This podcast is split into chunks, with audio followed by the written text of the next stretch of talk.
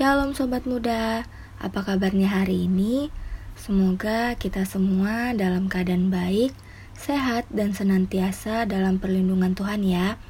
Hari ini kita kembali mendengarkan sate urat, saat teduh pemuda Batra Hayat. Terlebih dahulu kita siapkan Alkitab kita dari Keluaran 16 ayat ke-6 sampai ke-8. Jika sudah ditemukan, marilah kita siapkan hati kita, kita bersatu di dalam doa. Kita berdoa.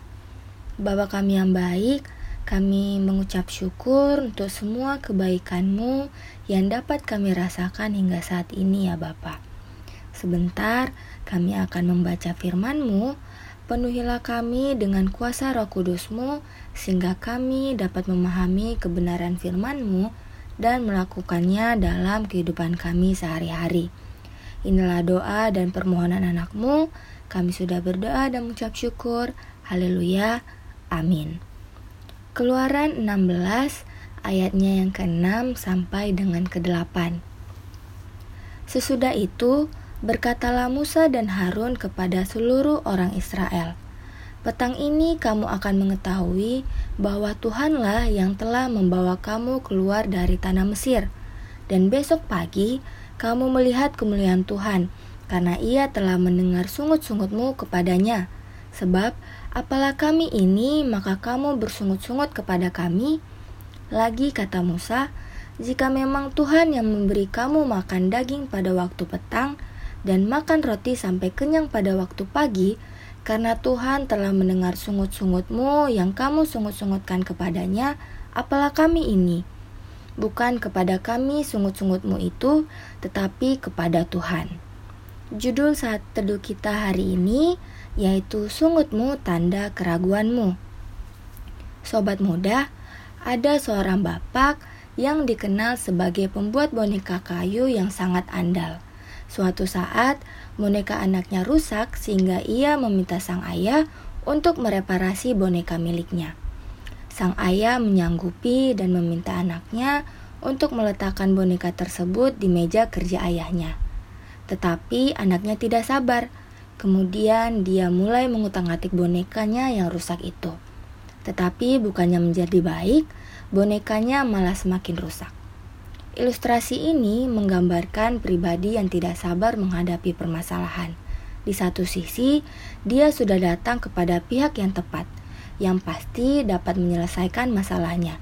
Tetapi di sisi yang lain, dia tidak sabar, lalu menggerutu dan meragukan kemampuan dari pihak yang pasti mampu menolongnya.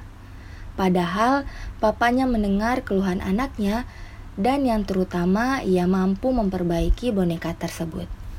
Sobat muda kekasih Yesus, begitulah keadaan umat Israel dalam teks bacaan hari ini. Di satu sisi, mereka dikenal sebagai umat Allah. Namun di sisi yang lain, mereka sering kali meragukan kuasanya.